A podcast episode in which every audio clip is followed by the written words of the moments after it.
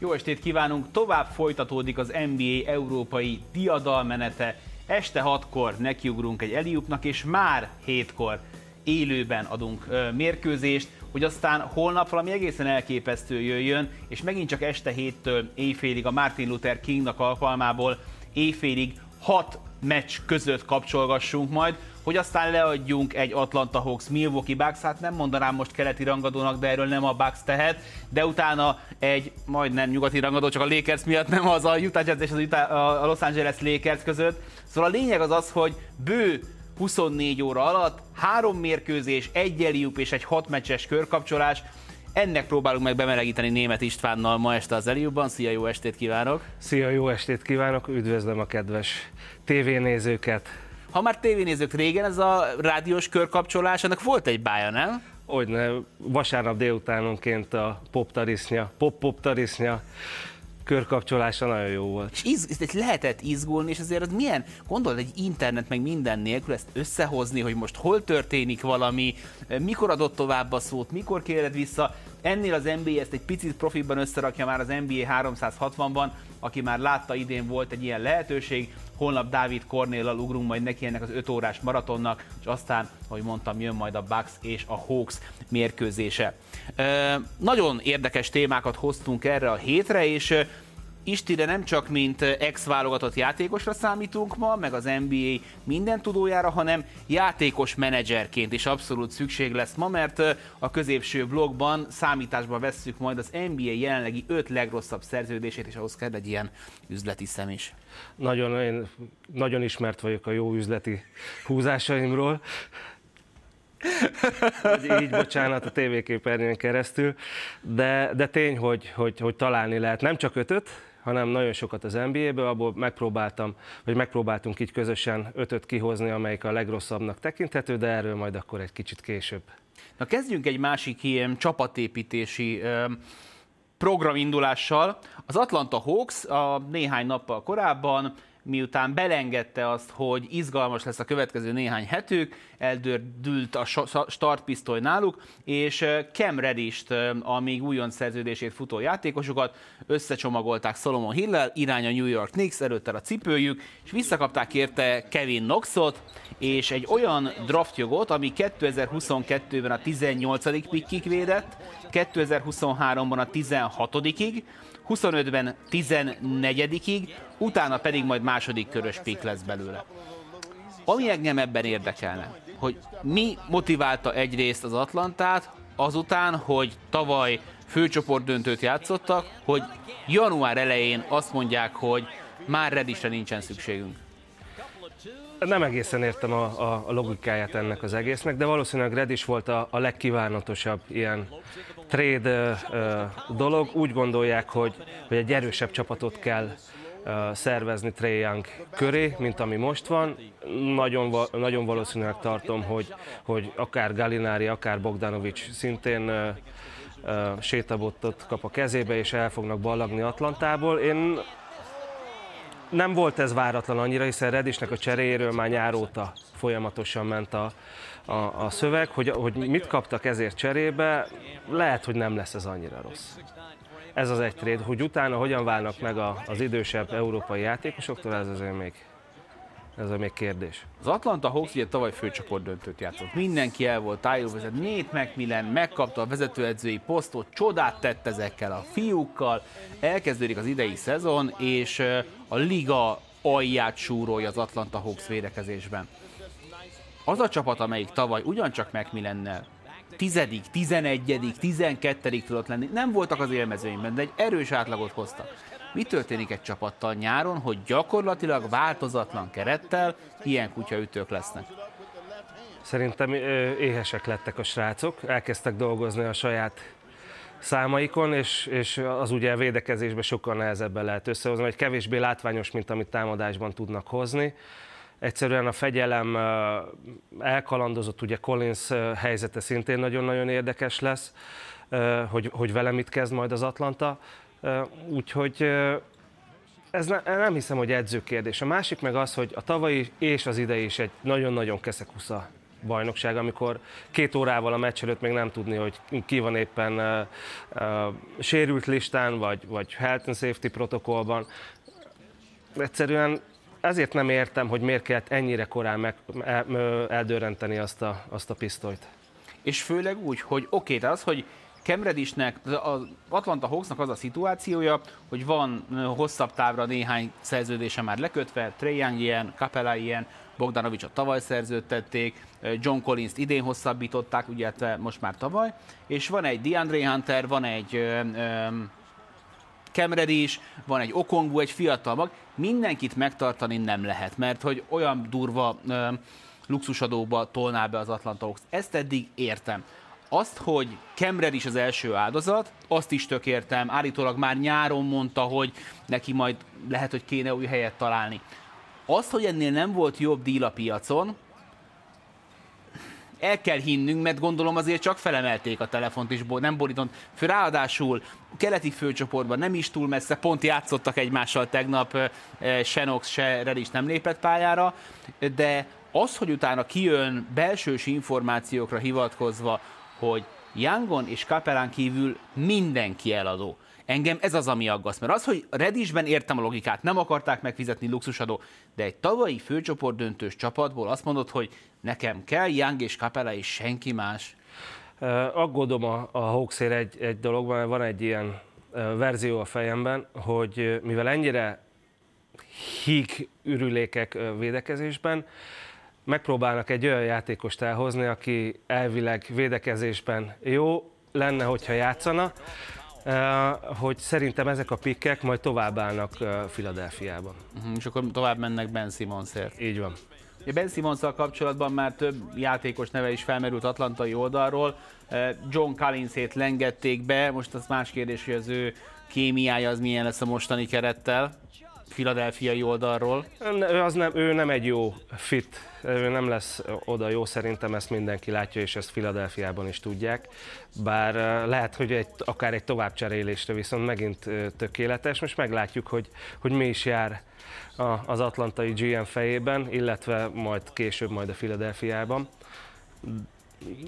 Én, én, én tartanám, tartanám nagyon, megpróbálnék minden követ megmozgatni, hogy, hogy John Collins ott maradjon, mert így kapellával kiegészülve talán ők egy, egy erős frontkortot tudnak létrehozni. Azt szerintem nagyon fontos, amit mondtál, és arra gondolok, hogy, hogy éhesek lettek a játékosok. Hogy vannak csapatok, ahol ezt ilyen készpénznek vesszük, hogy nem tudom, egy Golden State Warriors-nál nem kaparják ki egymás szemét, a szemét a labdáért egy Milwaukee Bucksnál tavaly ott a döntő, és nem az történik, hogy Holiday veri a mellét, hogy több labdát nekem, hogy ugyanezt megtenni Janis, miközben azért, hogyha visszatekerünk az időben, akkor inkább ez jellemző az NBA csapatokra, hogy erre találta ki Pat Riley a Disease of More kifejezést, hogy, hogy amikor jönnek a sikerek, akkor a játékosok többet akarnak, és tele vannak fiatalokkal. Ezeknek egy részének ugye a jövője még nem is rendezett anyagilag, úgyhogy hiába van ott Young, Hörter, Garinari a kispadon, stb. Az Atlantának izgalmas napjai, hetei lesznek, mint ahogy nagyon sok gárdáról lehet hallani azt, hogy készülnek majd valami nagy durranásra. Majd értelemszerűen az Eliubban ezekről a hírekről is beszámolunk lesz, amikor szerintem nagyon másra nem is lesz idő, de addig egy picit evezzünk könnyedebb vizekre. A Toronto Raptors az elmúlt heteknek az egyik sikertörténete, visszajöttek a sérültek, száporoznak a győzelmek, összeállt a csapat. Egy probléma van, hogy a hazai meccseket jelenleg ugye zárt kapuk előtt kell játszani, és ilyenkor mit tesz egy jó meszkot, megpróbálja a 20 ezer nézőt helyettesíteni, és megpróbálja kibillenteni az egyensúlyából a liga egyik legjobb játékosát, eh, Devin Bookert, aki odaállt a büntetővonalra, végig csinálta a rutinját, és elkezd mutogatni, és elsőre nem értjük, hogy mi történik, és azt látjuk, hogy a torontói kabala állat horrible dictu felugrott. Felugrott, amikor büntetőt dobott. Ez, és, és kizavarta a, a sarokba Devin Booker, vagy kizavartatta a sarokba Devin Booker. Te láttál már ilyet? Nem, főleg úgy, hogy be is dobta a büntetőt, úgyhogy a második se sikerült sokkal jobban. Ugyanilyen uh, kosaras nyelven öt pontos büntetője volt, amikor gyűrű orra palánk és úgy esik be egyszerűen vicces, és egy, egy picit elárul valamit a, a liga jó néhány fiatal sztárjátékosának a, Itt lehet látni, az hogy felugrik a, a Raptor. Igen. hogy egyszerűen őket minden zavarja, hogyha, hogyha nem úgy mennek a dolgok. De nem sokkal később talán ezért is kutatta, kereste valaki elő azt a Larry Birdről készült képet, amikor áll a büntetővonalon, és a gyűrű két oldalán a nézők a full Playboy centerfoldot kinyitják neki, és csak mesztelen nők mindenhol. Larry Legendet ez mondjuk azért nem zavarta annyira. Aztán megkezdődött persze az árkok elásása, szerintem azért Booker belátta, hogy seggfej volt. Kicsit túlreagálta. Ez biztos, hogy, hogy óriás túlreagálás volt a, a, a részéről, viszont valószínűleg elindított egy olyan lavinát, hogy a liga összes többi meszkotja nem fogja béké hagyni, hogy ott fognak ugrálni, ahol lehetnek nézők, természetesen a nézőkkel együtt, vagy esetleg a nézők is be, beöltöznek Raptornak. Igen, itt látjuk, hogy mindketten, mind a Mascot, mind Devin Booker profilképet cserélt, Devin Booker a sarokban gugoló Raptorról, Raptor pedig az éppen, amikor mozgásban van, belendül. Na és ez meg is kezdődött, amit bejósoltam, és az Indiana Pacers szellem már egy felfújt dino várta a csapat bemutatásnál a Phoenix Suns, és a bevonuló zene a Jurassic Parknak volt a legendás John Williams theme songja, és onnan látszik egyébként, hogy rájött, hogy, hogy egy tökfej volt Devin Booker, hogy az első büntetőnél oda rendelte a palánk alá a meszkot, hogy a Indiánában járunk, hogy azonnal jöjjön ide, és, és őt ez nem fogja zavarni. Hála Istennek van azért humorérzékük a, a srácoknak, vagy szólt valaki nekik, hogy legyen humorérzékük. De még amikor elkezdtél játszani, akkor még fapalánk volt? Nem. Már akkor is plexi nem, volt? Nem, már akkor is plexi. Tég, tehát aki, aki, aki játszik és mozog mögött a háttér, mennyire lehet ezt kikapcsolni? Szerintem semennyire nem zavaró. Nem zavaró. Abszolút, abszolút nem zavaró. A legzavaróbb dolog büntető dobásnál, ami lehetséges, az a hullacsönd. Aha. Amikor a tücsök ciripel a háttérben. Az nagyon zavaró. Amúgy is van a meccsnek egy lendülete, oda kell állni 200-as pulzus utána a büntetőre, és hirtelen csöd lesz, az, az rettentően zavaró. De egészen friss és értelmszerűen ez nem mérhető élményem van. Először dobtam dobógéppel, tehát hogy a, ami fel van húzva háló, e, én teljesen eltévedtem, hogy hol a gyűrű, nagyon, de megkérdeztem a, a srácokat, akikkel hogy gyakorolgattam, és mondták, hogy ő, ők nem is látják már, tehát hogy átkapcsolja a fejüket. Ezt tudom képzelni, milyen lehet egy ilyen gumilufi hurka erdőben. De a magyar, magyar, magyar arénákban viszonylagosan ritka is az, hogy akkora legyen egy csarnok, hogy a, hogy a gyűrű mögött ez valódi beszélt jelentsen. Szerintem, szerintem tényleg nem zavaró annyira, mint amennyire ezt, ezt gondolják néhányan, de legalább a szurkolók elfoglalják magukat. Devin Booker egy picit talán túlreagált egy történetet, és hasonlóképpen tett Jamorant is, aki ugye nagyon várta az összecsapást minden bizonyal a Golden State Warriors ellen. Clay Thompson második mérkőzése a tűzforró Memphis Grizzlies ellen, és a meccs végén ezzel az ígyszerrel biztosítja be a győzelmét a Grizzlies, és jön két srác pacsizni az alapvonalra ki támolygó Zsámorentel. Apróbb hiba, hogy mind a kettő Warriors mez van, és Zsámorent mondta, hogy öcsém, nincs az Isten, hogy én veled lepacsizok, és ott hagyta lógva a srácokat, és elfordult, aztán a meccs után megkérdezték őket, és mondta, hogy a végén után elnézést kér, de öreg, tehát ez tiszteletlenség, de gyere már ki Memphisbe, Körimezbe, és még akarj velem pacsizni, miután megnyerem a meccset. Ez teljesen jogos. Én is ezt tettem volna a helyébe. Mit képzelnek magukról? Hihetetlen. De egyébként nagyon durva lehet Memphis szurkolóként, de igazából bárhogy, ahol a Warriors pályára lép. Egyrészt van egy ténylegesen helyi szimpatizáns kör, de hogy, hogy a, a nézőknek mondjuk a 10%-a szinte mindenhol Warriors szurkoló. Volt ez régebben ugye annak idején talán a Milwaukee-ban több uh, Chicago mezes embert lehetett látni, mint Milwaukee-t annak idején. Szóval uh, ez a hazai csapatnak szerintem egy, egy, egy, mindig egy ilyen arcunütés ez a fajta dolog, és szerintem Jamorant most az, hogy azt nem tudom, hogy mondott te valamit a srácoknak, de, de ezt úgy is kellett hagyni őket vegyetek fel Morent meszt, hogyha velem akartok pacsizni, vagy legalább valamelyik másik, nem tudom, Steven Adams meszt. Nem tudom megkerülni az elmúlt napok sláger témáját Jean Morenttel kapcsolatban, eh, ahol megkérdezték az ESPN szakértőjét, én a Sport TV szakértőjét kérdezem meg, hogyha újra kéne draftolnod az NBA-t, és eh, hozzád kerül a pick, eh, és két választásod van, Morent vagy Luka Doncic, kit viszel el? Doncicot. Rád nem hat ez az elmúlt egy-két hét jó formája, vagy egy-két-három hónap. Az a baj, hogy ezzel az, a, a Jamoranttel, hogy annyira beleillik ebbe a, a, a D-Rose Westbrook vonulatba, hogy, hogy valamikor, hogyha neki jön egy olyan sérülés, ami az, az említett úri embereknek ugye jött akár többször is, nem tudom, hogy hogyan tud belőle kijönni. Annyira a fizikalitásából él, hogy, hogy nem, egyelőre nem látom azt, azt a részt a játékából, hogy ezt hogyan tudja kompenzálni. És uh, így ebben a képzeletbeli draftban GM-ként nem aggasztó az, hogy lehet, hogy Morentnek a játék stílusa olyan, amilyen, viszont Lukának meg a munkamorálját kezdik el kikezdeni?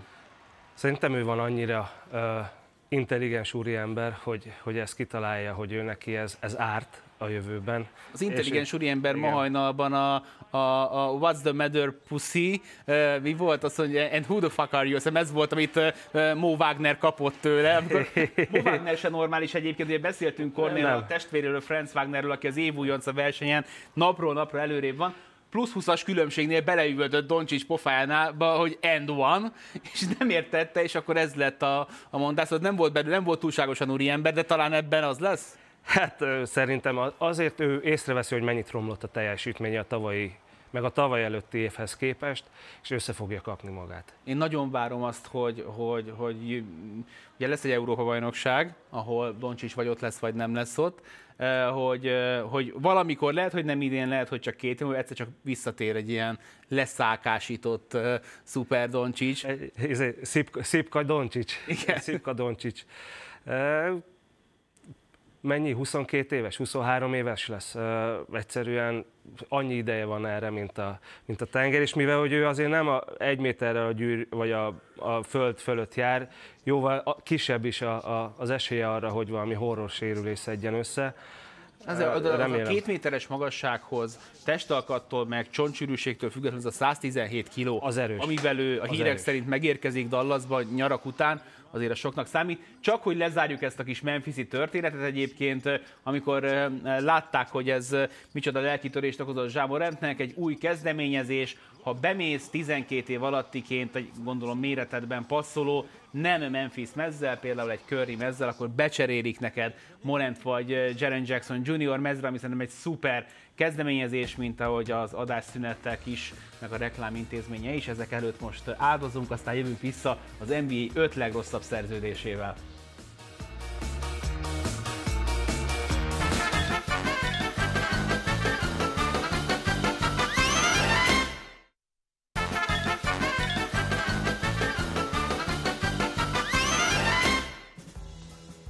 Folytatjuk az Eliupot, kövessetek minket Instagramon, nézzétek a Sport TV YouTube csatornáját, és az AMC AMC mikróban a teljes adást is egy hétig visszanézhetitek, ha úgy tartja kedvetek. Ma Istivel egy mostanában eléggé hálás témát fogunk elővenni. Egyébként is szerettünk a mások zsebében turkálni, kár örömben az a jó, hogy nincsen benne irítség, amikor ezt a kettőt így lehet kombinálni, annál igazából nagyon nincsen jobb. Ezért most a top 5-ös rovatunkban a liga 5 legrosszabb szerződését fogjuk végigvenni Isti szerint, és az benne az érdekes, amit ő is mondott a reklámblokk előtt, hogy hát én is hoztam ötöt, te is hoztál ötöt, és igazából két átfedés volt, tehát azt mondtam, hogy Istvinek a szava a szent, úgyhogy az ő választásain fogunk ma végig menni, és ez alapján fogjuk megbeszélni azt, hogy mi a helyzet, de ez jelzi azért azt, hogy hiába van egy olyan általános vélekedés, hogy egyre okosabbak a GM-ek, nagyobb vagy kevesebb talán a nagyon nagy mellényúlás, most azért, hogyha végignézünk, azért elég sok, elég sok rosszul öregedő kontraktust találunk.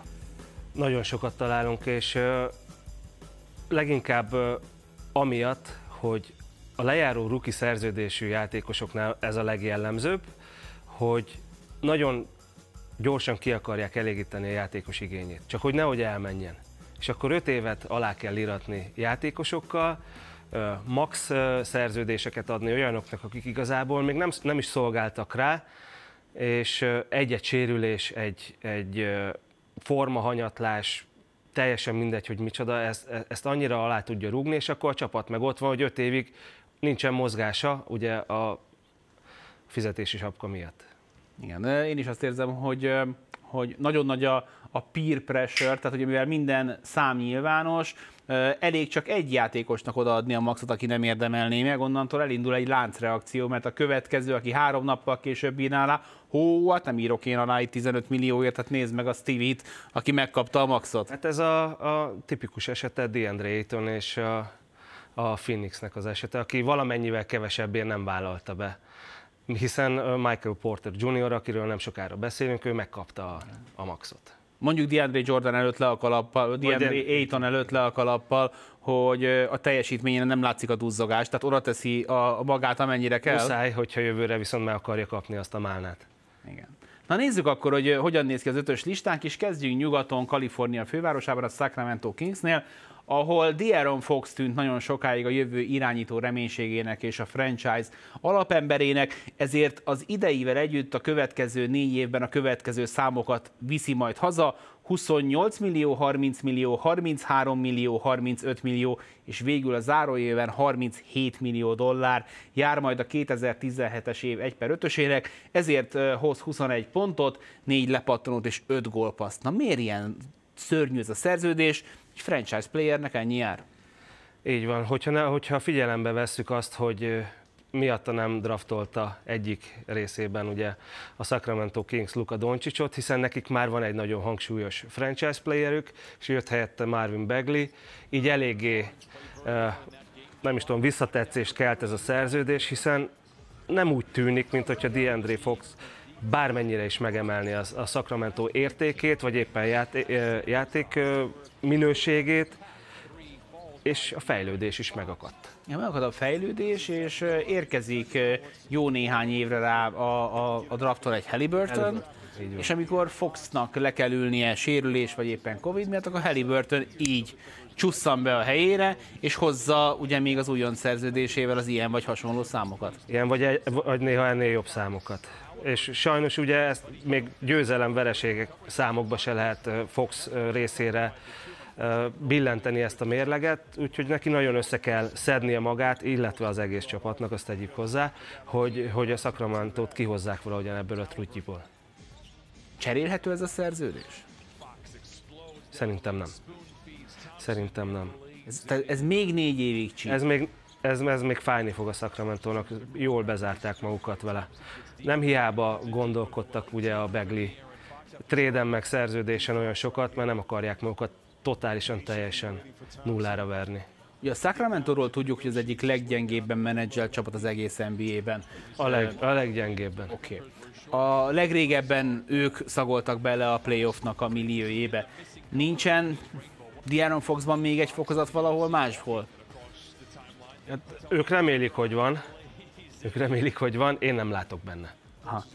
Hát nagyon kíváncsi vagyok, mert hogy uh, már több trédben felbukkant a neve uh, De'Aaron Foxnak, és uh, valóban, hogyha ezt a szerződést ilyen játékkal kell kitölteni, az tényleg évről évre rosszabbul fog kinézni. Kötött már hasonlóan rossznak tűnő szerződést a Kings mostanában, hogyha emlékszel, amikor uh, megkapta Harrison Barnes az új kontra és ahhoz képest az azt mondták, hogy figyelj, ez így nem olyan rossz, tehát ez a 20 millió dollár környékén, amit egyébként Barnes-tól tudnak kapni a jobb napjain, az nem annyira fáj. De De'Aaron Fox ennyi pénzért, ennyi évre nem hangzik annyira jól.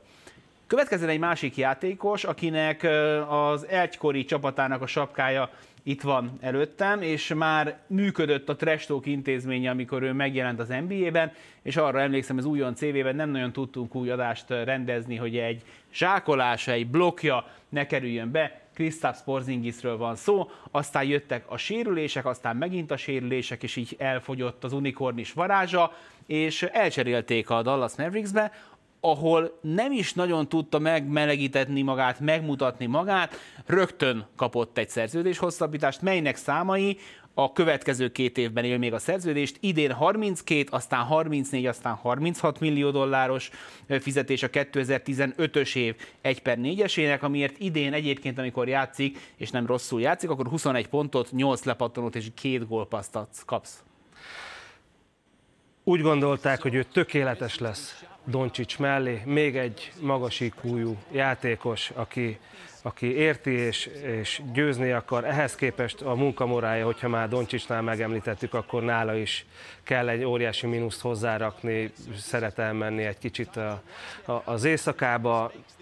Izmot nem nagyon pakolt magára, bár valamennyit mindenféleképpen nem is volt nehéz, de ez a fajta sérülés, amivel ő bajlódik, ez kifoghatni az egész karrierjére, ugye porckorongsér, folyamatos csípő problémák, és hogyha ezek megvannak, akkor ugye a láb sincsen a helyén. Nagyon-nagyon veszélyes dolog, én szerintem Porcingis amikor játszik, és ez nagyon fontos, akkor, akkor tud játszani, kicsit át kell alakítani a Dallas játékát, hogy még jobban effektív legyen. Mondjuk idén már azért próbálkoznak vele, hogy kivegyék Luka kezéből a labdát egy kicsit többet, de, de egyszerűen ezeket a, a számokat hozni még három éven keresztül, vagy két és fél éven keresztül, fizetni érte, hogy a csapat meg 50% környékén vagy bejutok playoffba, vagy nem, ezt hozza, ez, ez hatalmas összeg. De'Aaron Foxnál igazából a fejlődés lassulása per elmaradása volt a fő indok. Ha Kristaps Porzingisre most azt mondod, hogy figyelj, nem lesznek jobbak a számai, de ebben a következő három szezonban 70 meccset hoz. Akkor milyen ez a szerződés? Akkor extra.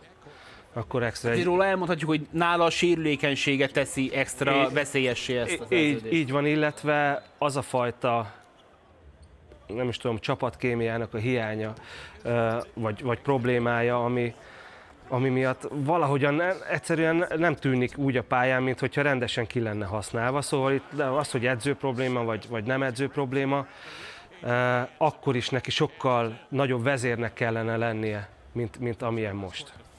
Ugye amikor megérkezett, akkor nagyon gyorsan megkapta ezt a szerződés hosszabbítást, és ha most visszanézzük, hogy érkezett mellé azért egy Tim Hardaway Jr. is, és hogy mit áldozott be érte akkor a Dallas Mavericks, ez nem ez nem egy, egy rossz, rossz deal. Nem, egy abszolút nem rossz uh, trade. Az, hogy elment Dennis Smith Jr. Dennis Smith Jr. Igen. Például ez, ez, ez, szerintem csak segített a Dallason, viszont a Ugye róla kiderült jöttem. három évvel később, hogy országos címborája volt Luka Doncsicsnak, miközben Igen. mindenki azt hitte, hogy ők fújnak egymásra, mert hogy hát kvázi hasonló poszton kéne játszani. Igen, pont Csabival beszéltünk róla, amikor te Lossziban tengetted a napjaidat, hogy hogy ott volt az első kenyértörés Doncsics és a, a Rick Carly között, hogy, hogy miért rédelték el.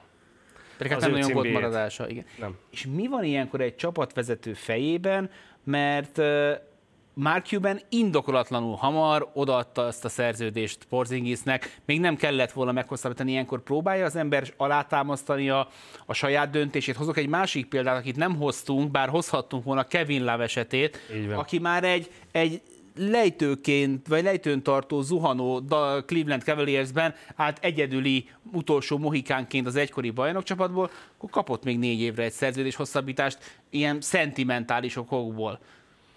Vagy azért, hogy legyen valaki öreg ott, a, aki már szagolt lőport életében, lehet, hogy ez is benne volt ebben. Meg egy jó srác, nem egy problématikus ember, de egyszerűen nem értem ezeket a túlkorai, hatalmas vállalásokat néha a csapatoknál. Igen, és ugye, ugye nem lehet mindig kivárni, és nem lehet mindig szondázni a piacot, az ember egy picit azért várna, hogy oké, okay, egyébként mi, mi, mi, mi, miket gyűjtene be az ügynöke, milyen szerződéseket gyűjtene be az ügynöke, kivel versenyzünk, saját magunk ellen licitálunk egy Porzingis esetében, ez egy, ez egy az abszolút valós, velő, valós kérdés. Te hogy látod egyébként idén a kémiája, az javult Doncsicsal? Szerintem igen. Szerintem igen. Csak Doncsics ugye formán kívül kosárlabdázik. Illetve változott az NBA játékvezetőknek a felfogása, most már nem adják azokat a könnyű büntetőket oda Doncsicsnak, amiket tavaly-tavaly előtt megkapott. Ugye ezt láttuk meg, amikor beszélgetetek Csabival, ugye annak egy, egy hosszabb írás adta az alapját, hogy Rick Carlisle az egyik oldalon elég sok játékossal mű, viselkedett csúnyán, a túloldalon viszont Doncsicsnak igyekezett extra kedvezményeket adni, amit Doncsics viszonylagosan hamar átlátott és a saját javára fordított.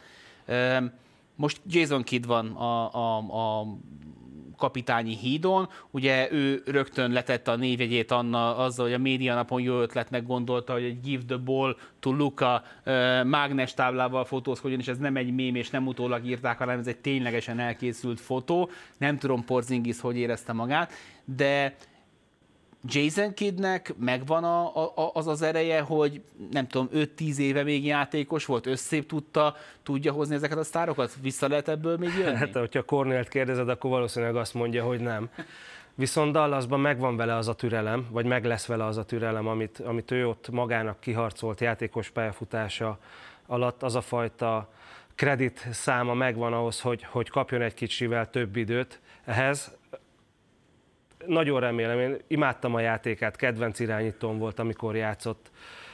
Zseniális a figura, egy kicsit old school mint néhány edző, szereti azért keményebben fogni a játékosát, a játékosait, és nem úgy beszélni velük, mint, mint én otthon, amikor ötöst hoznak haza, de nem, egy, egy, egy, nagyon gyenge ez a, Dallasi keret ahhoz, hogy, hogy végül, végül odaérjen a... Ennek ellenére nyernek, nyernek és nyernek, és senki nem tudja, hogy miért. Azt viszont tudjuk, hogy eh, Michael Porter Jr. számai a legsokkolóbbak talán, hiszen ő még ebben a szezonban az újonc pénzét kapja, 5 millió dollárt. Ehhez jön hozzá 30, 32, 34, 37, 1 per 14-es draft cetliről beszélünk 2018-ban, és az idei számok 10 pont, 7 lepattanó, 4 gólpassz, egy borzasztóan problémás kortörténet, hátfronton, egyelőre info sincs arról, hogy mikor tud visszatérni.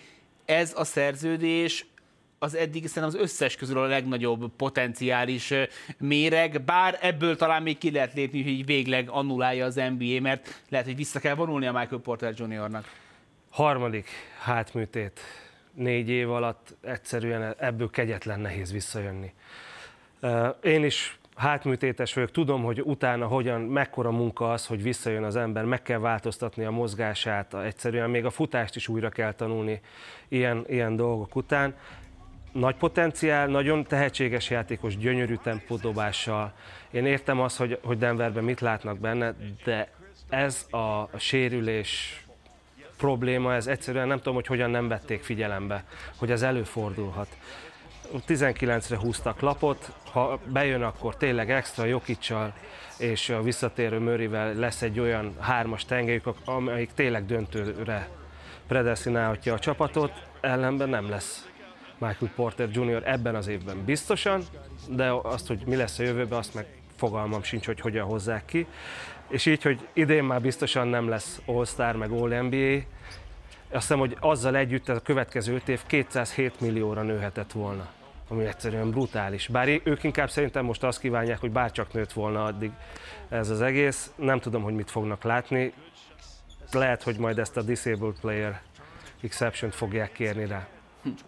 Hát meglátjuk, hogy mi fog majd történni vele az biztos, hogy más sorsot szánt magának következő játékosunk, John Wall, aki ugye aláírt egy Supermax hosszabbítást még a Washington Wizards játékosaként, aztán utána nem annyira játszott, és aztán végül Russell Westbrook helyett a Houston Rocketsnál kötött ki, amikor játszott, akkor egyébként nem is volt szerintem rossz, sok mindent elveszített abból, amiért John Wall John Wall volt, és aztán az újjáépítő Houston Rockets szokatlan őszinteséggel, már-már kegyetlen őszinteséggel közölte vele, hogy nincs rá igény ebben a szezonban, 44 millióért nem csinál most semmit John Wall, és ha lehívja a játékos opcióját, akkor jövőre 47 millióért nem fog semmit sem csinálni, és nem úgy tűnik, és ő is ezt mondta, hogy nem hajlandó egy fillérről se lemondani, ő ki fogja tölteni a szerződését. Úgyhogy az elmúlt három évben játszott talán hét meccset, csak most mondtam egy számot, pontosan nem tudom, de ez, ez, ez is a Houston nyakán ül ez a szerződés, nem tudnak vele megegyezni a kivásárlásban. Lehetséges, hogy lenne olyan csapat, aki, aki egy ilyen hasonló típusú irányítóra szükségét, vagy látná, hogy, hogy hozzájuk kerüljön esetleg ilyen bajnoki címre törő csapatoknál. Lehet, hogy, hogy erre sokan vártak, viszont ő abszolút nem akar egyezkedni, úgy érzem, hogy ő neki ez lehet, hogy a karrierje végét is jelenti. Hozzáteszem, John Wall ugyanúgy beleillik ebbe a, a Derrick Rose Westbrook féle vonulatba ez a nagyon atletikus irányító, aki nem igazán játszatja a csapatot, és ne, nem igazán van kinti dobása. Hogyha a Lakers bedobja az összes létező és még hadba bocsátható elsőkörös pikjét, és Westbrookért odaadná John Volt, vagy John Volt elkérné, akkor ki mondana nemet erre a dílre? Houston azt mondaná, hogy Nine Danke. Szerintem nem kérnek Westbrookból. Hát, nem hiába cserélték el egyszer már.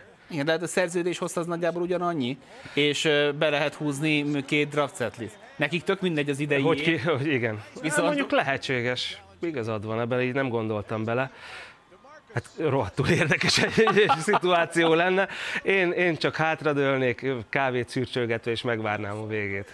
Ezen a héten ígérjük, hogy nem forgatjuk a kést a Los Angeles Lakers szurkolóinak a szívébe, megtették ezt ők maguk ma hajnalban a Denver nuggets ellen, amikor Highland karrier estéjén nagyon-nagyon kikapott a Los Angeles Lakers, és amit éppen azt hittük, hogy fel csillan a fény az alagút végén, most megint kettőt inkább hátralépett a Los Angeles Lakers.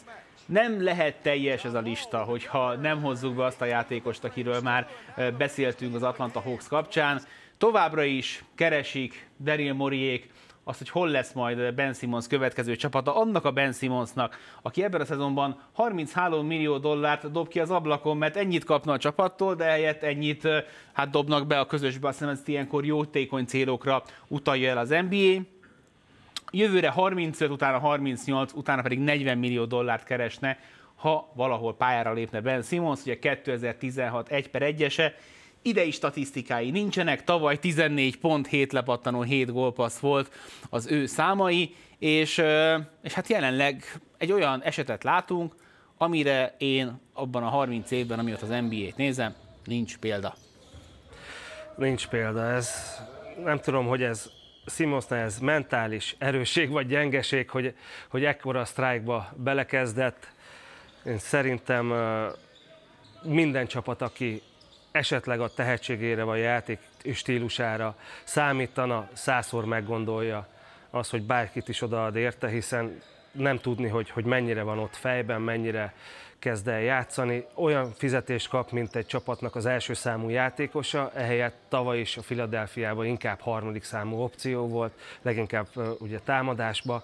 Védekezésben nagyon felszokták őt hype szerintem nem egy akkora védő, a számokat szépen mutatja, de az, hogy ő egy igazi lockdown védő, védőjátékos lenne, azt én nem láttam benne. Voltak nagyon látványos pillanatai, Lilárdot fogta kvázi egész pályás letámadással, és mindenki annak járt a csodájára. Így van, ilyeneket nagyon szépen el lehet kapni, aztán 80 meccsből van, van mondjuk 10 ilyen, meg, meg 70 olyan, amikor arra megy, hogy, hogy kockáztat a labdaszerzéseknél, vagy rámegy arra, hogy csapkázzon aminek van ugye számban nyoma, de igazából abban nincs, hogy milyen rossz dobásokba kergeti bele a, a támadót, akit fog.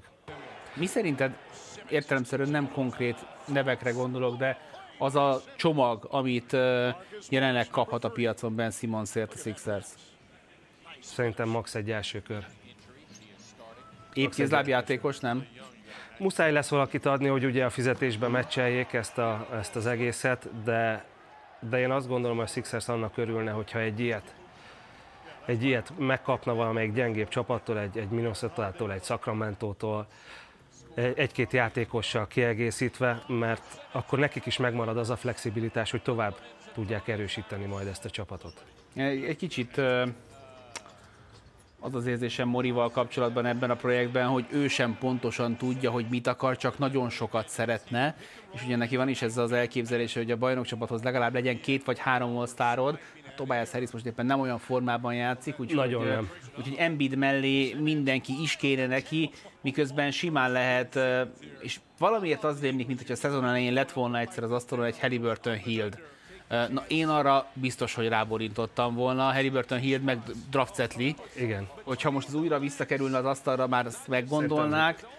Mert, mert tényleg az, hogy olyan játékost kapjál vissza, aki tehetségben, fitben passzol ez a Philadelphia 76ershez, az nem könnyű, kéne nekik még mindig kinti dobás. Kérdés, hogy Tyrese Maxiben mennyire hiszünk, mint egy playoff csapat irányítójában, de abban sem vagyok biztos, hogy, hogy és persze hát kell beszélgetni majd Ben simmons és nem tudom, hogy új csapattal leülne beszélgetni, vagy is beküldeni az ügynökét, hogy beszéljen helyette, vagy meséljen helyette, hogy milyen szenáriót keres? Tehát, hogy elmenne ő egy Sacramento-ba franchise playernek szerinted teljes szívvel? Szerintem el.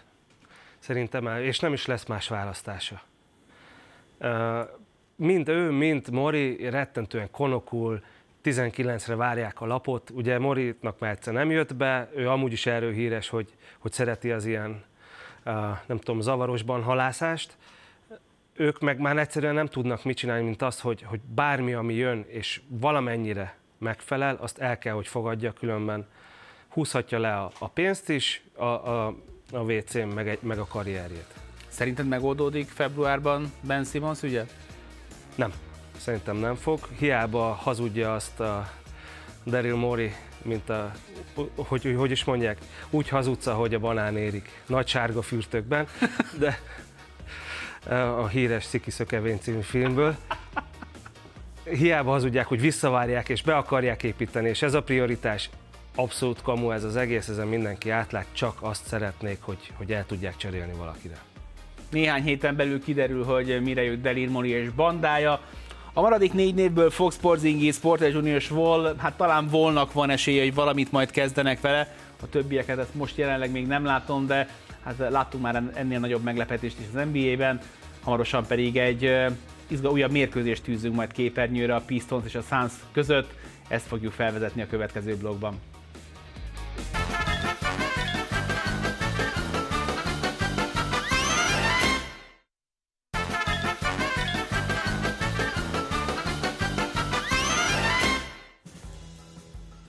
Hamarosan élő mérkőzéssel folytatjuk az NBA 2021-22-es alapszakaszát egy igazi matinéval, már európai idő szerint 7 órakor.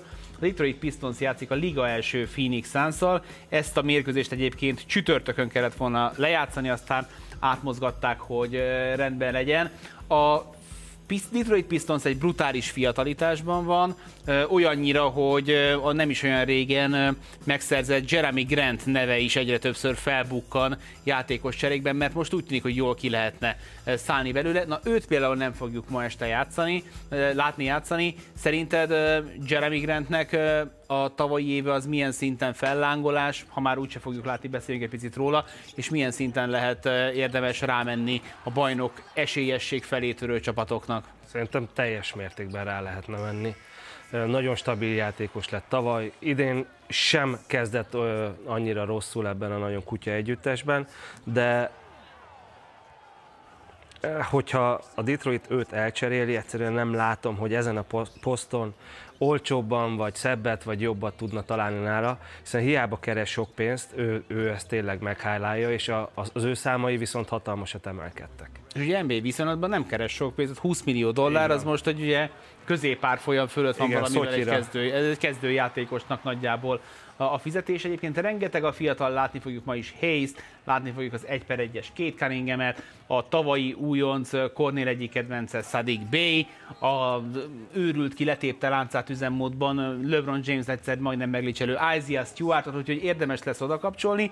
Az ellenfél pedig a Phoenix Suns, aki az elmúlt tíz meccséből azért hát csak Phoenixi mértékben hatot tudott megnyerni, és bennem felmerül a kérdés, és nagyon szívesen meghallgattam a véleményedet, aztán majd a meccsen bővebben is kifejtjük, hogy szerinted változott annyit a Sunsnak a játéka? Kellette, hogy változzon a Sunsnak a játéka, hogy megváltozzon, hogy az idei playoffban, vagy idei döntőben nagyobb esélyesként tekintsél rájuk? Van előrelépés? Szerintem nincs, de az pont jó, hogyha azt tartják, ami, ami volt, mert amiről beszéltünk már, hogy akkora katyfasz az egész szezon, nem tudni, hogy mikor kijátszik, ki bevethető, ki nem bevethető, hogy ezzel a teljesítménnyel is ott lesznek a nyugati első négy csapat között. Szerintem talán még, talán még hozhatják is a nyugatot, hogyha a sérülések úgy, úgy alakulnak a számukra. Egy, egy nagyon komplet csapatuk van, egy tényleg minden poszton olyan játékossal, aki most már ugye tapasztalattal is rendelkezik, nem volt meg náluk